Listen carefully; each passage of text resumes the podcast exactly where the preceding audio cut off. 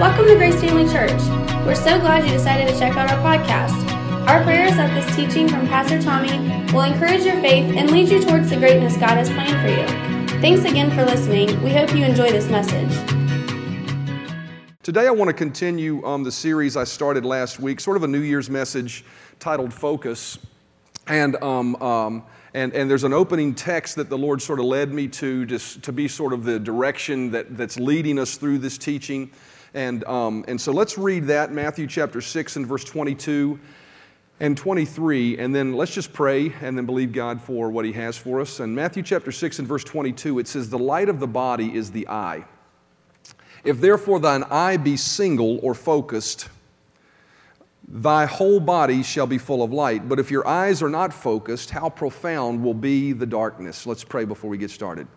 Father, we come to you right now in Jesus' name, and we thank you and praise you for your presence here, your people here, your Holy Spirit here. And I just ask you to use me to speak through me to your people. Uh, lead me and guide me. Help me say the things that need to be said, remove the things that don't need to be said, and let this be something from heaven and not just from the lips of a man. I'm trusting you to do that today. And so we'll give you praise and thanks for it, and we prepare our hearts for what you have for us. In Jesus' name. Amen. Um, you know, I um, titled this message uh, Focus in our series uh, because really what we're doing is we're, we're really talking about, you know, where our focus should be to set our focus for the right focus, right? Uh, we sort of set our attitude on what, what does our focus need to be for the goals that we've set for our life in the coming year. You know, at the first of the year, there, you know, I always say this, you know, God doesn't operate necessarily by the calendar we do.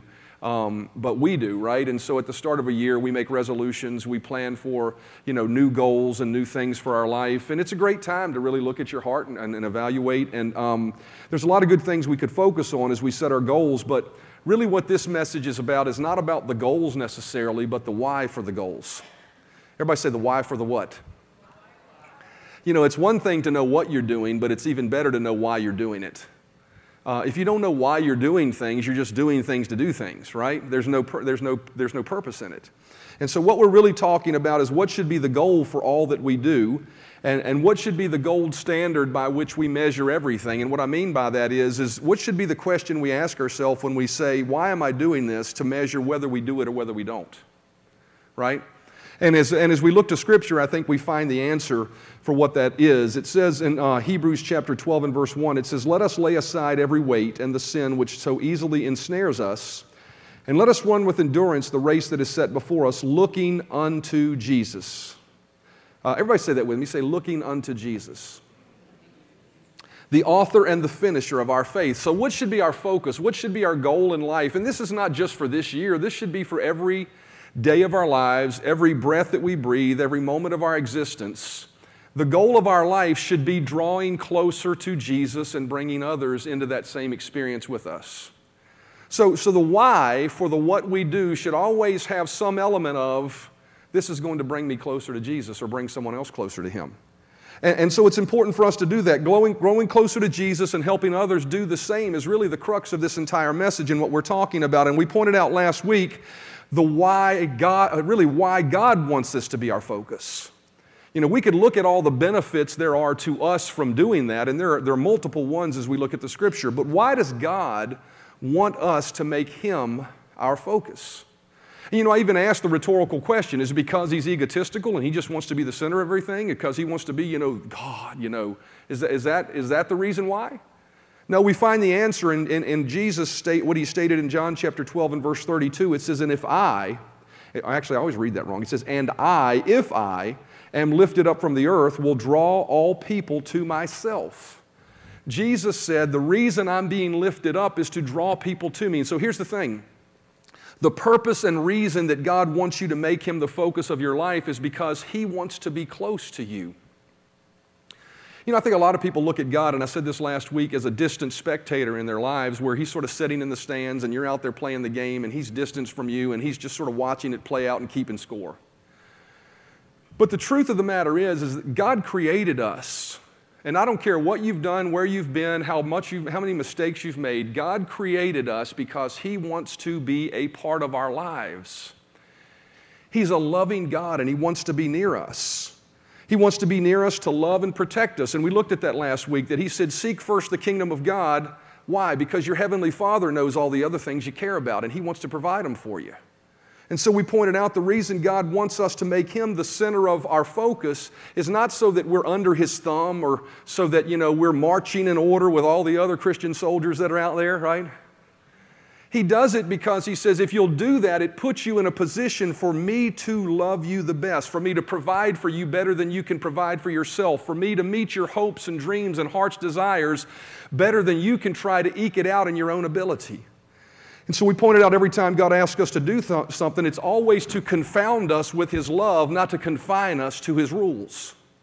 He may even give us rules, but those rules are given to bring us into a greater uh, place of Him loving us. We said it's to not keep us under His thumb, but to bring us under His arm. It said it's not to take away and restrict our joy, but to enhance and make it better. You know, sometimes we look at it that way when God leads us and guides us in a certain direction, and maybe it's a direction that we need to change our course or uh, disdain from something. We look at it like God's robbing us, but He's not robbing us. He's actually bringing us into a place where we can find more joy than that actual thing would bring us. And so, knowing God's motive for asking us to make Him the focus helps us. How does it help us?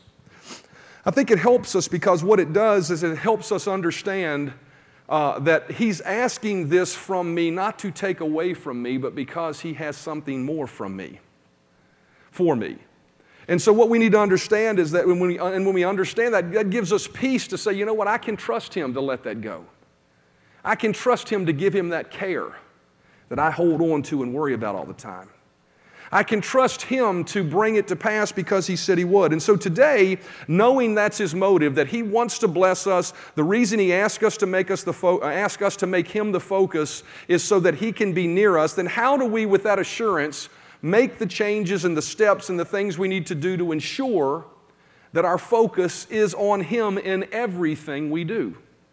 Hebrews chapter 12 and verse 1 once again says, Let us lay aside every weight and sin that which so easily besets us or ensnares us, and let us run with endurance the race that is set before us, looking unto Jesus, the author and the finisher of our faith. This verse gives us the keys to drawing closer to Jesus. And the key is real simple, and I'll tell you up front. The key is to lay aside the things that are distracting you from growing closer to Him. Everybody say, lay aside the things. See, I can hear our flesh going, oh, this is going to be a hard one, this, this message.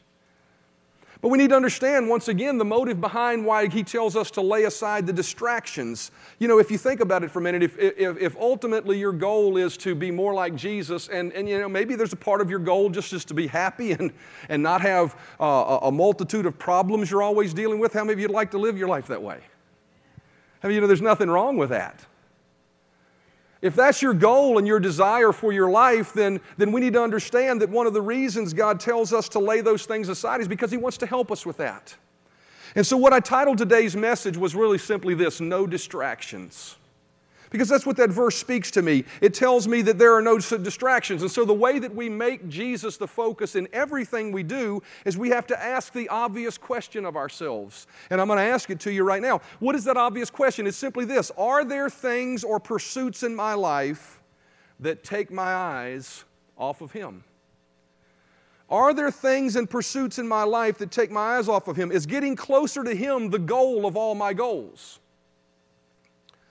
Are there things blurring my vision of Him in my life? Are there things affecting my singular focus of Him as my goal? And I want to spend a little time, or, or, the rest of the time today, talking about what we do to answer that question. Because if we answer the question uh, and, and we remove the distractions, we'll wind up finding ourselves closer to Him. And so, what do I do if I want to focus and I want to remove distractions? What's the first thing you got to do to remove distractions? The first thing you got to do is you've got to refocus your attention. Everybody say refocus. Notice that verse says, looking unto Jesus. And I want to spend a little bit of time uh, really uh, on this point to stress the fact that this verse is not saying that we need to have every single waking moment, every single thing we do, uh, Him as the forethought in our life. should certainly be the goal and passion, but that's not what that verse is saying. Because if, that is if that's what that verse was saying, remove every distraction so that all you do is focus on Him, then that would lead us to believe that, that, that the life we should live is a life that does nothing but sit somewhere in a corner and worships and prays. And I can tell you that it's great to worship and pray, and we're going to talk about that kind of commitment uh, at the end of this service. But what that tells me is this, is if, if we have that mindset, that I have to just let go of everything and just not do anything but worship and praise Jesus, then what's going to happen is we're going to become imbalanced. We can never enjoy a nice meal because I gotta, can't do that, I got to worship Jesus. We can never really go uh, and enjoy an entertaining movie. I'm not talking about an ungodly movie. How do you realize there are a lot of ungodly movies that we consider entertainment? We don't even realize all the junk that's in them because it's just blowing by us and affecting our thinking. But we can never enjoy just a decent movie, sitting down with a cup of coffee and family. I, I tell you, me and my uh, wife, we, uh, we had the opportunity Friday night when it was snowing to just sit down and, and, and download a movie from Hulu, and it was a nice, clean movie. And, and it, uh, you know, we caught ourselves laughing and crying through the movie. How many of you realize that's okay to enjoy life like that? And so when Jesus is saying that, uh, that we need to keep our eyes on Him, He's not saying to eliminate when He talks about laying aside every weight and sin. He's not talking about becoming some zealot somewhere that's hidden away somewhere. That's unbalanced, and that's really how isolated monasteries got their start. Let's go hide away on a mountain in Tibet somewhere where we can't talk to anybody and be distracted by anything so we can be closer to God. If that's what God has called us to, then I got to tell you, I'm the first to be there. But how many of you realize we live and breathe and God understands? I mean, there's, full, there's, there's tons of things God has given us to enjoy in this life. You know, that's, and, and, not only that, but if that's our mindset that we have to eliminate and can't be, uh, enjoy the things of this life that are godly because we've got to just be so myopically focused on Jesus, then I'll tell you something else that comes from that is judgmentalism and, and actually a, a bunch of sort of uh, uh, class uh, rankings in the kingdom of God. Well, that person's really holy. I'm not holy. You're not holy. I'm holy, right? That's what comes from that. Well, they're, they're doing that. They should not be doing that because I'm not doing that because God dealt with me about that. But, you know, it creates this judgmental, ugly attitude that God doesn't want us to have. I mean, do you realize that even in man's most perfect state, there were moments in, his ex- in, in, the, in that period of time that we have record of in the Bible where his focus was not on God, it was on other things? Do you realize that? Just think about it for a minute. How many of you know the book of, uh, the, uh, the book of Genesis tells the story of Adam, and it tells us a short, you know, in the first three chapters, it tells us the story of creation, but it also tells us of a time when Adam was right with God. You know, we, we always talk about Adam's fall, right? And when Adam sinned, you know, he was kicked out of the garden, he was separated from God. But how many realize prior to that, he was with God? How many realize that? How many realize he was in right standing with God? He was in his perfect state. And, and, as we look at that, we, I want you to recognize something about what God did for Adam. God came to Adam and he gave him a world. He gave him animals to name. How many realize when Adam, when Adam was naming the animals, very possibly God was there helping him with it, but how many realize it required his concentration to be on the animal, not on God? The point of the matter is simply this, and I want to lay this out up front because I also I, I want to I'm going to get to a, a much more uh, direct uh, uh, conversation with us about laying aside distractions that do take away from our relationship with God. But I want to lay the understanding that, that does, this does not mean what, what we're talking about today is God is calling us to be some monk head off somewhere, hidden off somewhere that can't live life and enjoy the things God has given us. You know, God gave Adam a lot of things. How many of you realize He gave him a wife to enjoy a relationship with her? How many of you realize enjoying that relationship with her required some of his focus to be there instead of here? How many of you realize God gave him a wife to enjoy sexual intimacy with her? Many of you realize that requires focus in here instead of here? It does. How many realize God gave Adam diamonds and rubies and gold to enjoy? Not to have him, but to enjoy them. God put them here.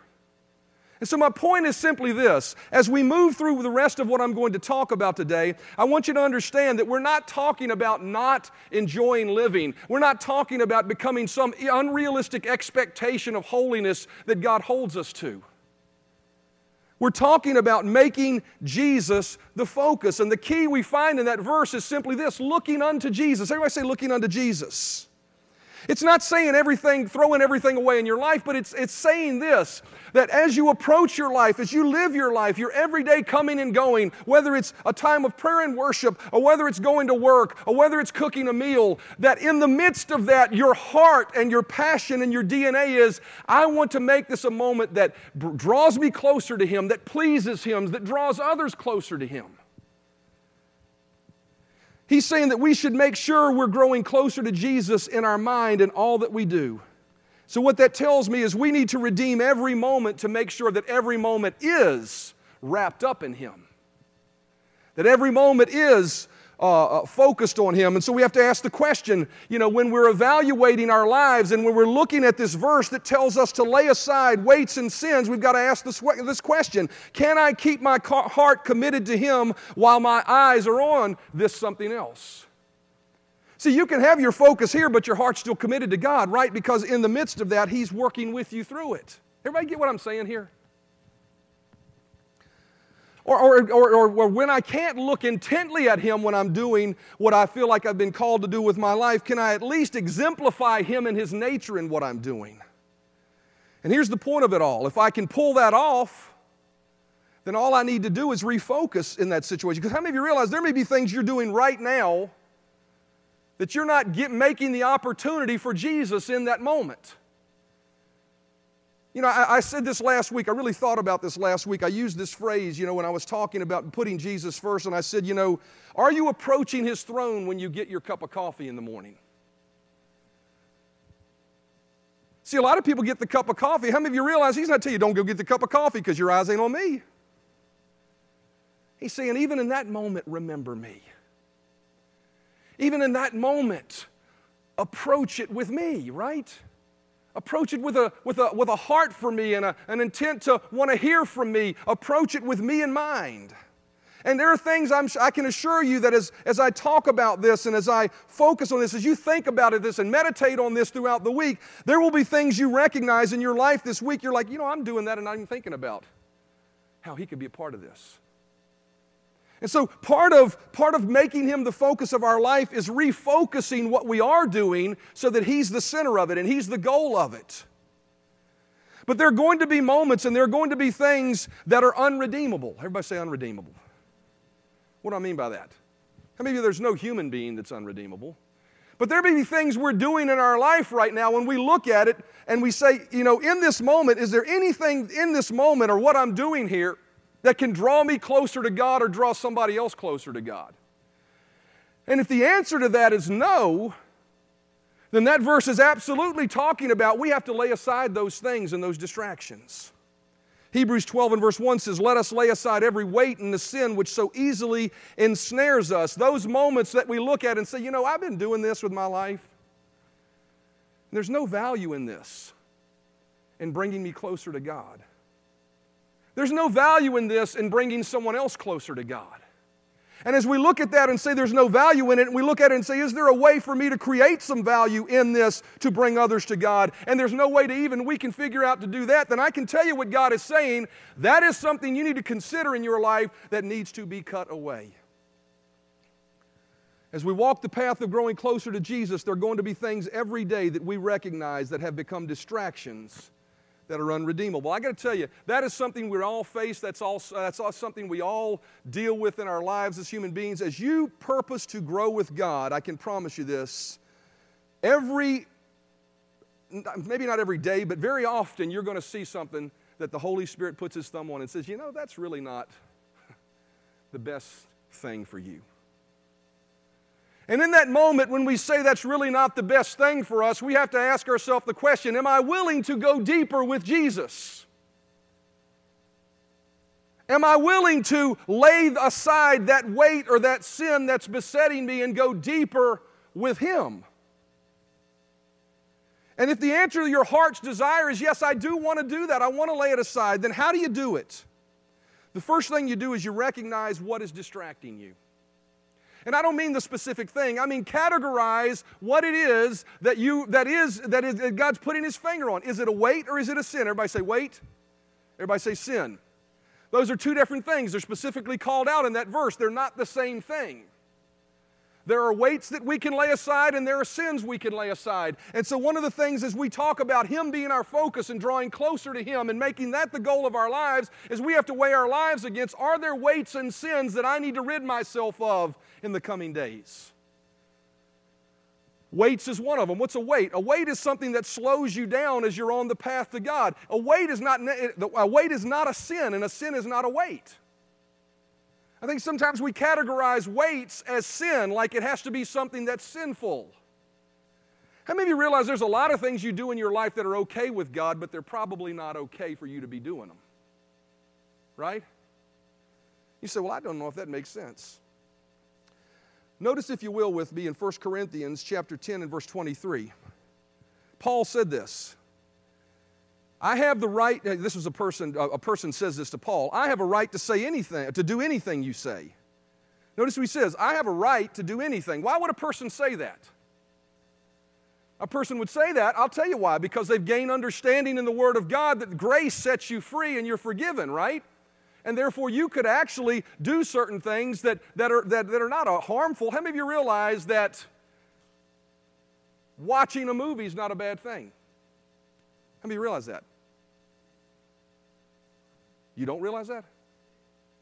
If you don't realize that, let me let you know something. It's okay. But how many of you realize if God is challenging you to watch less movies and spend more time with Him, how many of you realize maybe you ought to be watching less movies? That's a weight. And that's what a weight is. A weight is something that says, well, I have a right to do this. It's not hurting anybody.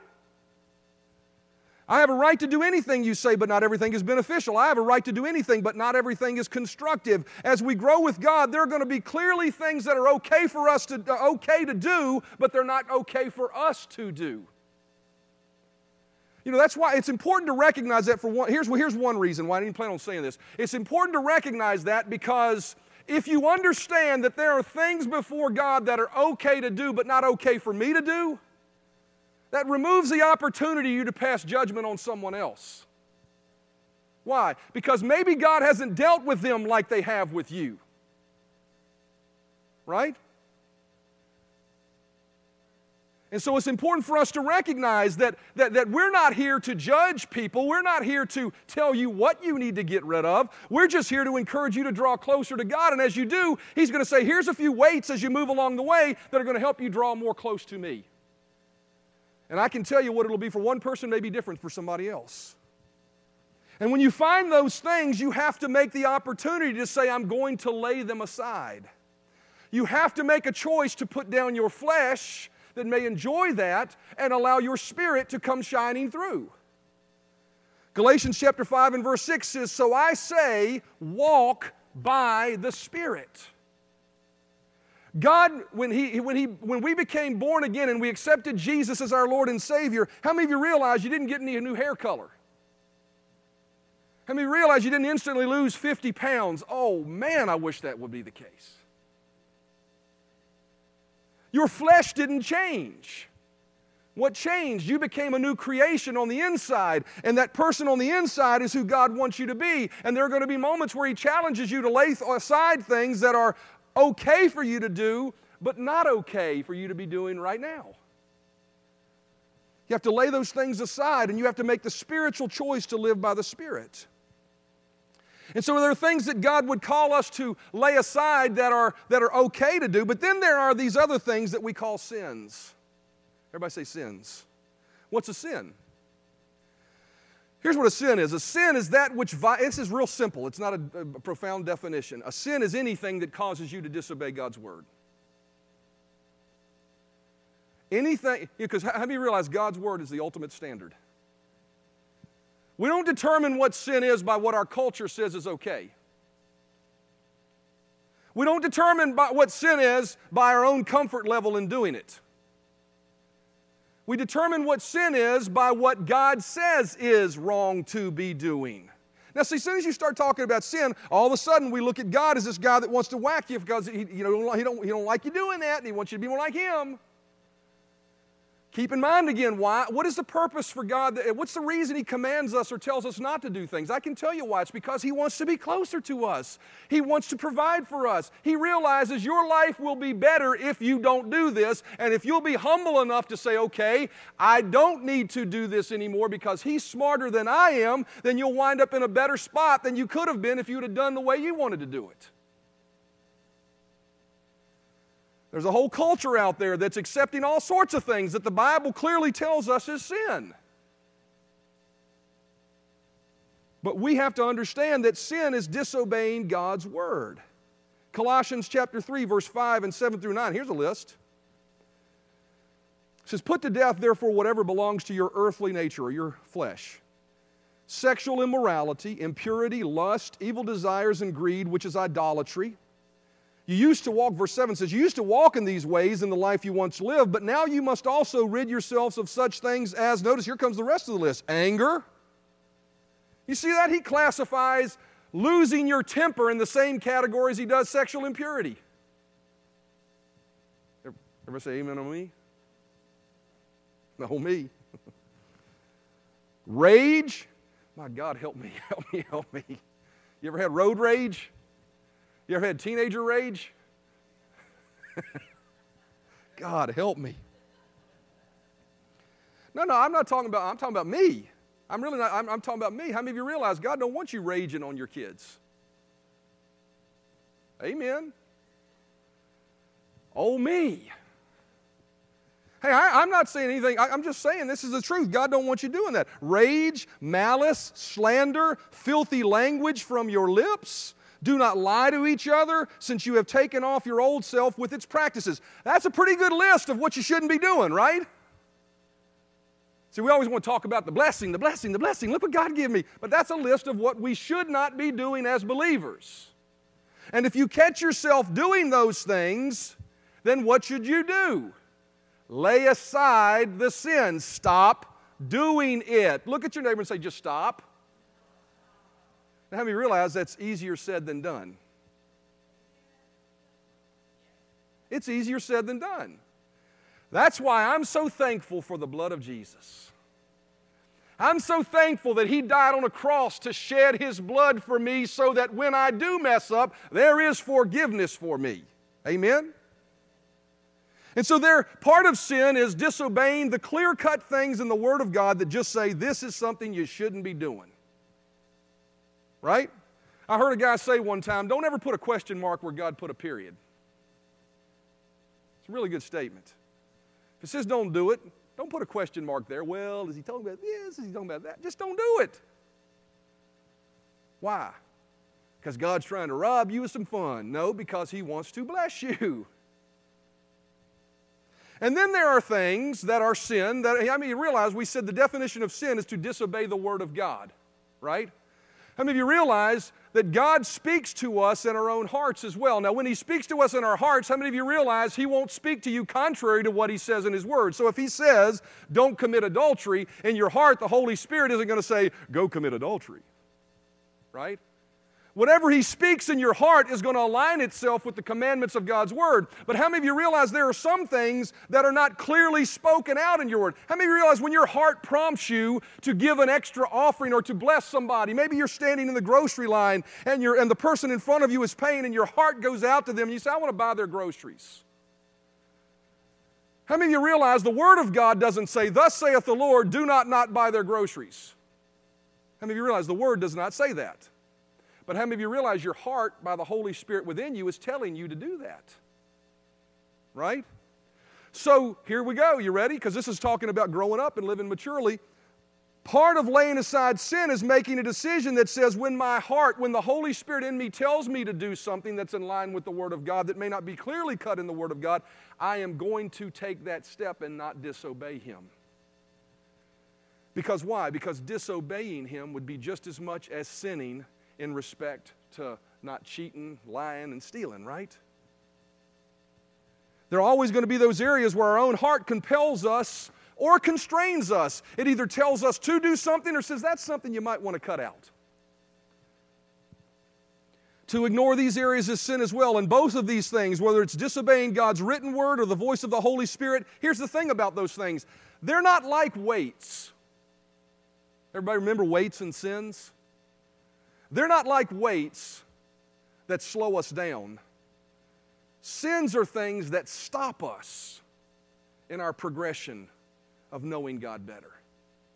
You don't just get slowed down. When you sin and you embrace it and you hold on to it and you won't let it go, even though you know it's wrong on the inside of you, it's like popping all four tires in your car when you're on the interstate. You got to pull over and stop. Right? And you can't move forward until you fix it. Now, here's the thing to understand when we find ourselves in those situations God is still in the car with us. Everybody say He's still in the car with us. Because here's the thing a lot of people think what, what I think I just said was when you do that, God forsakes you, He's mad at you. No, when you blow off our t- four tires in your car because of sin, God's still sitting there in the car with you trying to help you through it. Because the Bible tells us that. Hebrews 13 and verse 5 says, God said, Never will I leave you, never will I forsake you. Who said that? It's no trick question. Who said that? God said, I will never leave you, I will never forsake you. So, what that tells me is this even when I, and we sang about it earlier, I was so glad you sang. I got to tell you, I'm so amazed at our worship team and how they pull together songs. I don't tell them what I'm preaching, but they always line up with what I'm preaching. Love the orchestration of the Holy Spirit in our church. But what it says here, it says, I'll never leave you. God says, I won't leave you and forsake you. To the believer, He says it. So, what that tells me is that even if you have sin in your life that you have habitually embraced, God has not forsaken you. You've just derailed your growth towards Him. You haven't destroyed your relationship with Him. What you've destroyed is your fellowship with Him. And that's the goal of it, right? That's the purpose for which Jesus died to draw us closer to Him. Because when we're closer to Him, not only do we know Him better, not only do we exemplify His character better, but we're in a position for Him to care for us and take care of what we have proven at times we can't take care of ourselves. 1 John chapter 1 and verse 6 says, If we claim to have fellowship with Him, and yet walk in darkness, we lie and do not live out the truth. Now, that doesn't say this. I, want to, I just want to classify this because I want to quiet in anybody's mind that if you are struggling with sin in your life that you've yet to lay at the altar and completely kick, that God has somehow forsaken you because He hasn't. That verse does not say, it does not say this if we claim we have a relationship with Him, does it? That word fellowship is the word koinonia. And what that word means is, is close intimacy with God. If we say we have close intimacy with God and yet we walk in darkness, we're lying and we're not doing the truth. So if we have things in our life that we know God wouldn't want us doing, but we're doing them, you can't tell me you're close to God. And why is that important? Let me tell you why that's important. I can't tell you over the years that I've been in ministry how many people come to the altar crying, Oh God, please help me. But then they go out and walk in places and do things that do not put them in positions for Him to help them. I've often said this that God helps those that help themselves. Now, the way I mean by that is this not that you're your self made man and you do it on your own. What I'm saying is that you're humble enough to recognize that if I'll get into the spout where the glory comes out, then I can receive the glory coming out. But if I'm too stubborn and pig headed to just stay over here when God says, if you get over here, here's where I can bless you, but you're too, too stubborn to stay over here, then you're going to limit the ability of God to bless you. He's not withholding it from you, you've just moved yourself from where He is. It affects your fellowship, it robs our intimacy with Him. And in that place of instant intimacy comes all the things that make our relationship with Him awesome confidence to come before Him and have faith to believe when we ask. You know, there's a message that has permeated the church about the grace of God. How many of you are thankful for the grace of God? I'm so grateful for grace. What is grace? Grace is God's unmerited favor. It's His willingness to be benevolent towards you even though you don't deserve it. But if you take that message too far without coupling it with verse, uh, messages like this, then you would, you would lead one to believe you can just go out here and live like the devil all day long. God still go bless me. He ain't to leave you, He ain't to forsake you. But you're going to wind up having to clean up the message you've created for yourself over and over and over again, and God's going to have to stand right there and try to help you do that. Well, it's much easier just to get yourself right, be lined up with Him, and walk the path He's given you and watch Him bless you instead of you creating messes for your life. Amen? What do we do to address those areas that are obviously sin in our life? Either disobedience to the Word of God or disobedience to maybe God's challenging you to take a step and do something or to step out and begin to do that and you're not doing it yet. What do we do to correct those sinful areas of our life so that we can draw closer to Him? The first thing you do is simply this confess it. Everybody say, confess it. Now, what do you mean by confess it? I don't mean go tell the whole world. Let me go get on a box and just yell to everybody, hey, look at this ugly area of my life. That's not what I'm talking about. I've always said this. I'm not talking about hiding in secrecy, but people need to know what people need to know. And there are some people that don't care an ounce about you. and they don't need, need to know your business because all they're going to do is grill you up and eat you over your business. But confession is talking about you coming before God and possibly a few accountable people in your life that you trust. And what does it say here? It says, if we confess, here's how you get rid of sin. Here is how you make a decision to remove sin for your life. Number one, if we confess our sins, He is faithful and just and will forgive us our sins and purify us from all unrighteousness. Fellowship is restored with God. Not relationship, but fellowship is restored with God when we just say to Him, I'm sorry. You know, there are some relationships that could be repaired real easily if we would just say, I'm sorry without the but behind it. See, but what we want to do is we want to say, I'm sorry, but here's why I did what I did. You didn't say I'm sorry. You just wanted to explain why you did what you did, why they're so wrong and why you were so right and getting mad or whatever you did. Relationships would be repaired if we would just be willing to say, I'm sorry, and do like God does, forget it. The Bible says, when you come to me with your sins, I will wash you as white as snow. I will cast them as far as the east is from the west. I will plunge them in the depths of the sea of forgiveness. So, what this verse says is to bring that sin to God and say to Him, I am sorry. But when we come with I'm sorry, He doesn't want us to come with a sense of condemnation. Everybody say condemnation? It's a little bit longer message. I'm telling you, it's some practical good teaching. Hang with me. Don't, don't, don't disconnect yet. Don't think about where you're going to eat for lunch yet. Just give me, give me 15 more minutes. Probably only take 10, maybe only five. He doesn't want us coming when we say we're sorry from a place of condemnation. How many of you know what condemnation is? If you don't, here's what it is condemnation is that sense of feeling that you're a worthless piece of poo poo. You ever done something wrong and felt like, man, I'm just a worthless piece of it? God does not want you coming to Him with a sense of condemnation. Romans chapter 8 and verse 1 says, There is therefore now no condemnation for those who are in Christ Jesus. So when we come to God confessing our sins, He doesn't want us coming to God beating ourselves up saying, I'm just worthless, I'm no good, I'm a piece of you know what, right? He wants us coming with a different mindset. If, if, if, if, there is no condemnation, then how do you come? You come with a sense of godly sorrow. Everybody say godly sorrow. Godly sorrow is different than condemnation.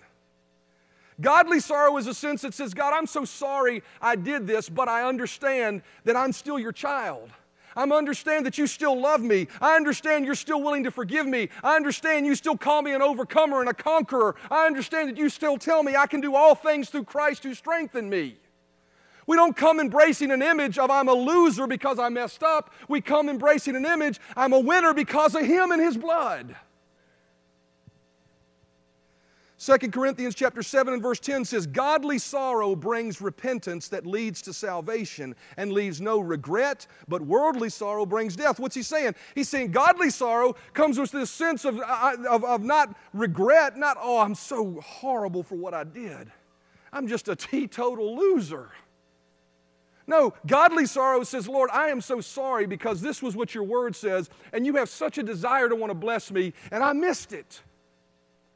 But I thank you that when I confess my sin, I'm forgiven. And it comes with this sense of recognizing who you are in Christ and a commitment to not go and do it again. See, here's what godly, here's what, here's what condemnation does. It causes you to embrace the image of who you are in your flesh instead of the image of who you are in your spirit. Condemnation caused you to come before God seeing you as that sinner. And although you did the sin, the Bible says, Paul said this in his word in Romans chapter 7. He said, Although I do what I don't want to do, it's not I that do it, but it's the flesh nature that dwells in me that does it. Now, that doesn't excuse doing it, but he said, It's my flesh that did it. So when you come before God, you need to recognize deep down on the inside, you're still, because of the blood of Jesus, His very righteousness. You're still His child. You're still the one He loves. You're still one that He wants to bless and help. Amen? Just close my notes. Maybe I should go a different route. Give me just a moment. So when we come before God, we don't come with a sense of condemnation. We come with a sense of godly sorrow. What does godly sorrow do? Godly sorrow helps us realign ourselves with the plan and purpose of God for our life. It helps us line ourselves up so that, you know, remember when the lady came to Jesus and she committed adultery? Actually, she didn't come to Jesus. She was dragged to Jesus by a bunch of guys who were peeping through a window. They should have been stoned for being peeping toms, right? but they drug her before Jesus and said, Look what, he, look what she's doing. Look what she's doing. She's an adulteress. And what did Jesus say? I don't condemn you, I accept you. You're forgiven. And that forgiveness and no, no condemnation caused him to be able to say without restriction, Go and sin no more. It freed her up to recognize that she wasn't a worthless piece of you know what. She was actually a child of the Most High God. She was a part of the nation of Israel, and she could go forth in His strength and power and might and sin no more. Amen? Amen. Let me get there. So, how do you, how do you uh, restore fellowship? You confess it. If we claim we have fellowship with Him and walk in darkness, we lie and do not the truth. But 1 John 1 9 says, if we confess our sins, He's faithful and just to forgive us our sins and cleanse us from all unrighteousness. And so, it's our decision and it's our focus as a church that God has called us to actually make Him the focus of our focus in everything we're focusing on. Right? Make Him the goal. And if we find as we're making Him the goal and as we evaluate our life and as we're looking unto Jesus, there are weights and sins that beset us, we must make choices to lay them aside. Amen? As the musicians come, we must make uh, decisions to get rid of the weights, the things that might be okay for us to do but are not the best for us to do. What are you doing? As you look at your life this year, if you really want to, I mean, I, sometimes we are so self defeating in what we do as they're coming. How many of you want to be happy? How many of you believe God knows better than you do what's going to make you happy?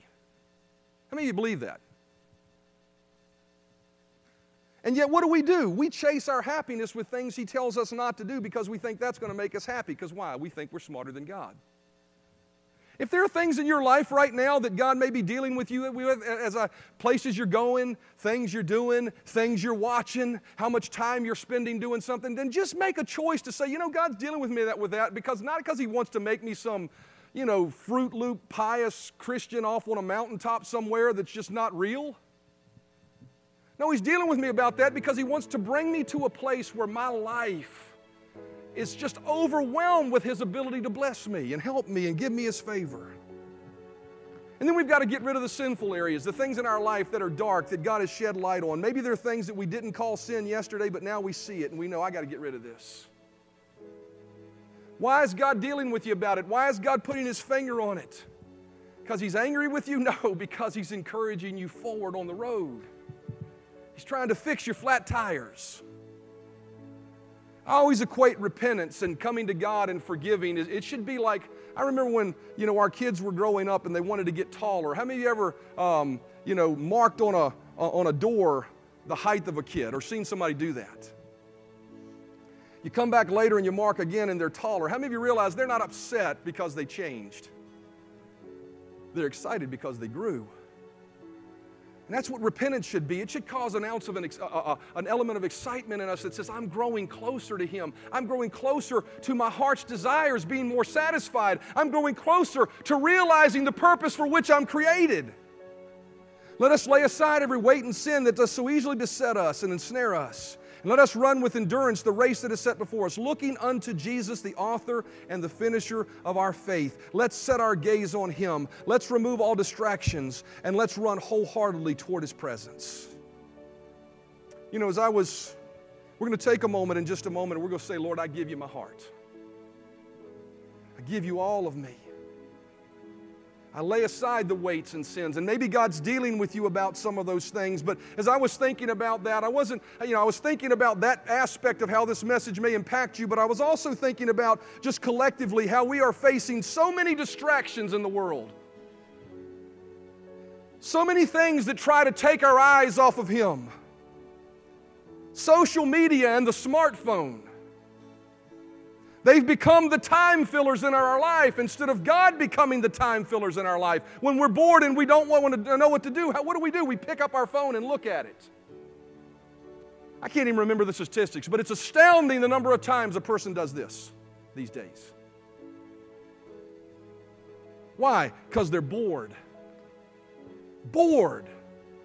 We've been shut away for the last year, being restricted in where we can go and what we can do. And we, what do we do? We bury ourselves in social media, we bury ourselves in streaming and binge watching services.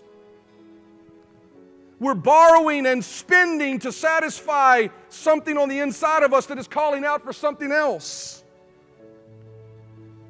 We're overeating and visiting the refrigerator every time we're bored instead of hitting our knees every time we're bored opening the Bible every time we're bored. We're distressed and worried over disappointing or whatever boat you're from or pleasing political results because we've placed our hope in a man or a person or a political position being in, in a position to help us realize our hopes and dreams. Let me tell you something. It don't matter who is president, it doesn't matter who is in charge. God is my expectation, God is my source. But what do we do? We stress and worry and fret over it. Whatever it may be, we have to be careful to not let these things distract us. Now, I got to tell you something. Throughout Scripture, believers oftentimes would declare a fast. Everybody say a fast. Believers oftentimes would declare a fast to refocus attention on God and become more sensitive to His presence. They fasted not to move God, they fasted to move themselves closer to God. What is fasting? Some people attribute it to just not eating. What is fasting? Fasting is removing distractions or something that is important to us and replacing it for a period of time to focus on the Lord. So fasting could be anything. How many of you know fasting could be a choice to say, I'm not going to look at social media for the next week? It could be a choice to say, I'm not going to play a certain game, or I'm not going to watch a certain show, or I'm, I'm going to uh, dedicate what I would, my, my, my lunch period to seeking God instead of eating lunch. But throughout the Bible, we see moments where, God, where, where the Spirit of God challenged believers to fast and pray. Acts chapter 13 and verse 22 says, Now in the church at Antioch, as they were worshiping the Lord and fasting, the Holy Spirit said, What were they doing? They were fasting and praying, and they were, they were fasting and praying. They were, they were removing distractions that would eliminate their ability to hear God. There are some things we have to move permanently. There are some things that for a season God will say, just set it aside temporarily so you can hear me. They were fasting and praying. And I will tell you that I received an email this week from the regional director of RMAI. I used to sit in that position and I took a, a break from doing that. And the new uh, regional director sent an email and he said, You know, I really feel like the Lord is calling us as churches, as Rhema churches, as churches that are affiliated with this particular ministerial organization. He's calling us to set aside a time of prayer and fasting. And then I'm looking on Facebook and I see another pastor friend of mine out of Detroit who had the very same thing that the Lord should set us, that we should set aside some time for prayer and fasting. They're calling out a 21 day period of prayer and fasting, January the 10th, starting tomorrow through the end of January, the 31st. What are they asking of, of churches to do? They're asking churches to just set aside time. Take something in your life that normally would be important to you and replace it with some time seeking God and, and pursuing His face. As I thought about that and I prayed about that, I really felt like it was the right thing for us to join into that effort. I feel, I really felt like, based on some things I shared with our leadership team earlier this week, and based on some things that were uh, just, just th- th- this, this messages that the Lord's laid on our heart, that it's important for us to lay aside the weights and distractions at times and to seek His face. And so I'm, I'm issuing and I'm calling us to a place of fasting as a church starting, the next, starting tomorrow for the next 21 days. You say, what does that mean? You don't want me to eat anything for 21 days? No, I'm telling you, here's the practical application. I want you to spend the rest of the day today. And I don't want you to go overboard. I don't want you to, you know, because that's the knee jerk reaction from human beings. All right, I'm going to do this then. And then it's so unrealistic they don't live up to it. And after day two, they've blown it and they feel like just they messed up. I'm going to ask you, though, not to be so, unre- uh, so practical that it's not a little bit difficult for you. How many of you realize it's not a sacrifice if it's easy?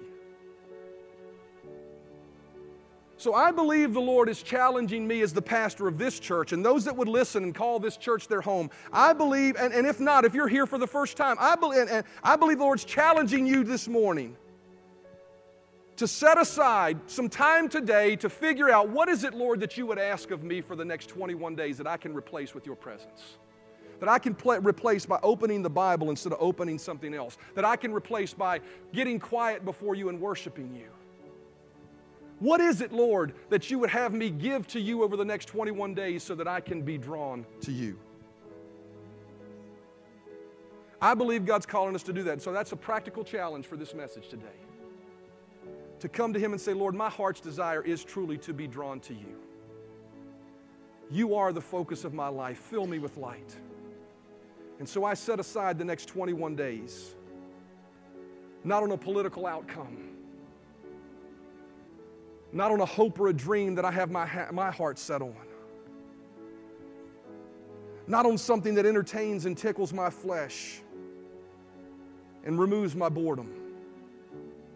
I choose to fast this specific thing, and when I fast it, I'm going to replace it with seeking you.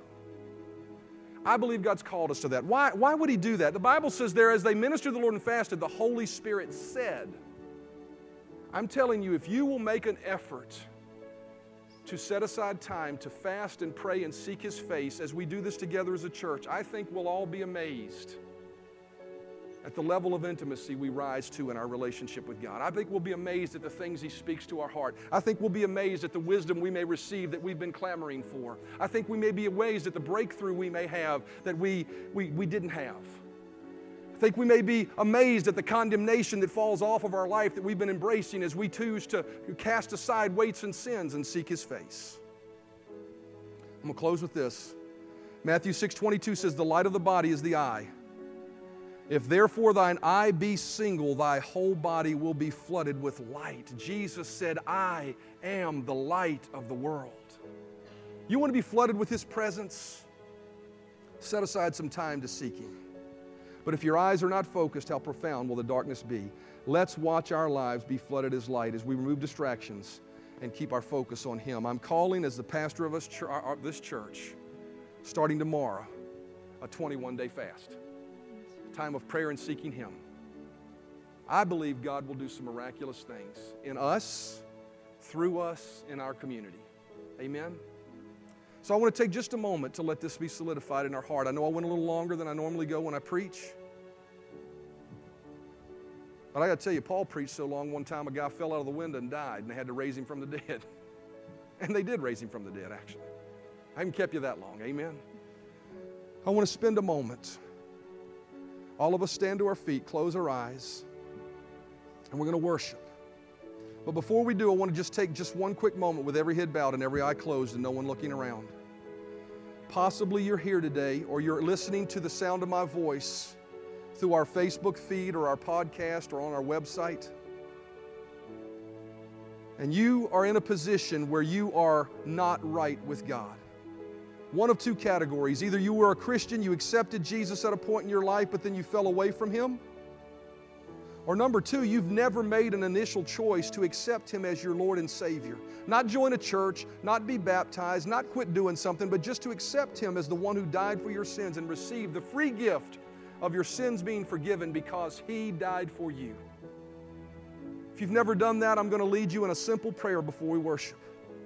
That prayer is going to simply say a couple of things. Number one, it's going to say, Jesus, I believe you died for my sins. Secondly, it's going to say, I believe on the third day you rose from the dead to pour your Holy Spirit into me so I could be a child of God, so you could change me. No longer a sinner, but a forgiven child of God right with you. And number three, I confess you as my Lord and Savior the one in whom I put my trust for entrance into heaven and every blessing in this life that I seek, hope, want, or that you've granted me. If you're willing to pray that prayer out loud with me, if you've never done it for the first time, every head bowed, every eye closed, no one looking around, possibly you're here, it's you. I'm not going to single, but no one's looking except for me. I'm going to ask you just to raise your hand and say, Pastor, that's me. I want to make that choice. I'm not going to call you up front. I'm not going to single you out, but it's just something about acknowledging. I want to make that choice. Anyone here for the very first time? Just scanning, I'm looking. If you're watching online, just type in the notes I accept Jesus. I want to accept Him. Anyone at all? You want to accept Him or you want to just come back home? Anyone? Okay. I'm going to ask everyone to pray this prayer out loud with me, assuming that all are born again, but if possibly one is not and you didn't raise your hand, but you still want to do this, your heart's tugging at you, mean it from your heart. God bless Zacchaeus for sneaking, uh, uh, sneaking to him in the middle of the night. Thank you, Lord. Just pray this prayer with me. Say, Lord Jesus, I believe you died for my sin. I accept you as my Lord and Savior. Thank you for forgiving me. Thank you for raising from the dead to live in my heart. Thank you that right now I am saved. I'm a child of God and I'm trusting you. In Jesus' name, amen. Amen. Thanks for listening to our Grace Family Church podcast. We hope you enjoyed this message. If this ministry has blessed you in any way, we would love for you to get connected. Just go to gfcva.info for more information about who we are, how to give to this ministry, or how you can get involved. Thanks again for listening, and we hope to see you soon.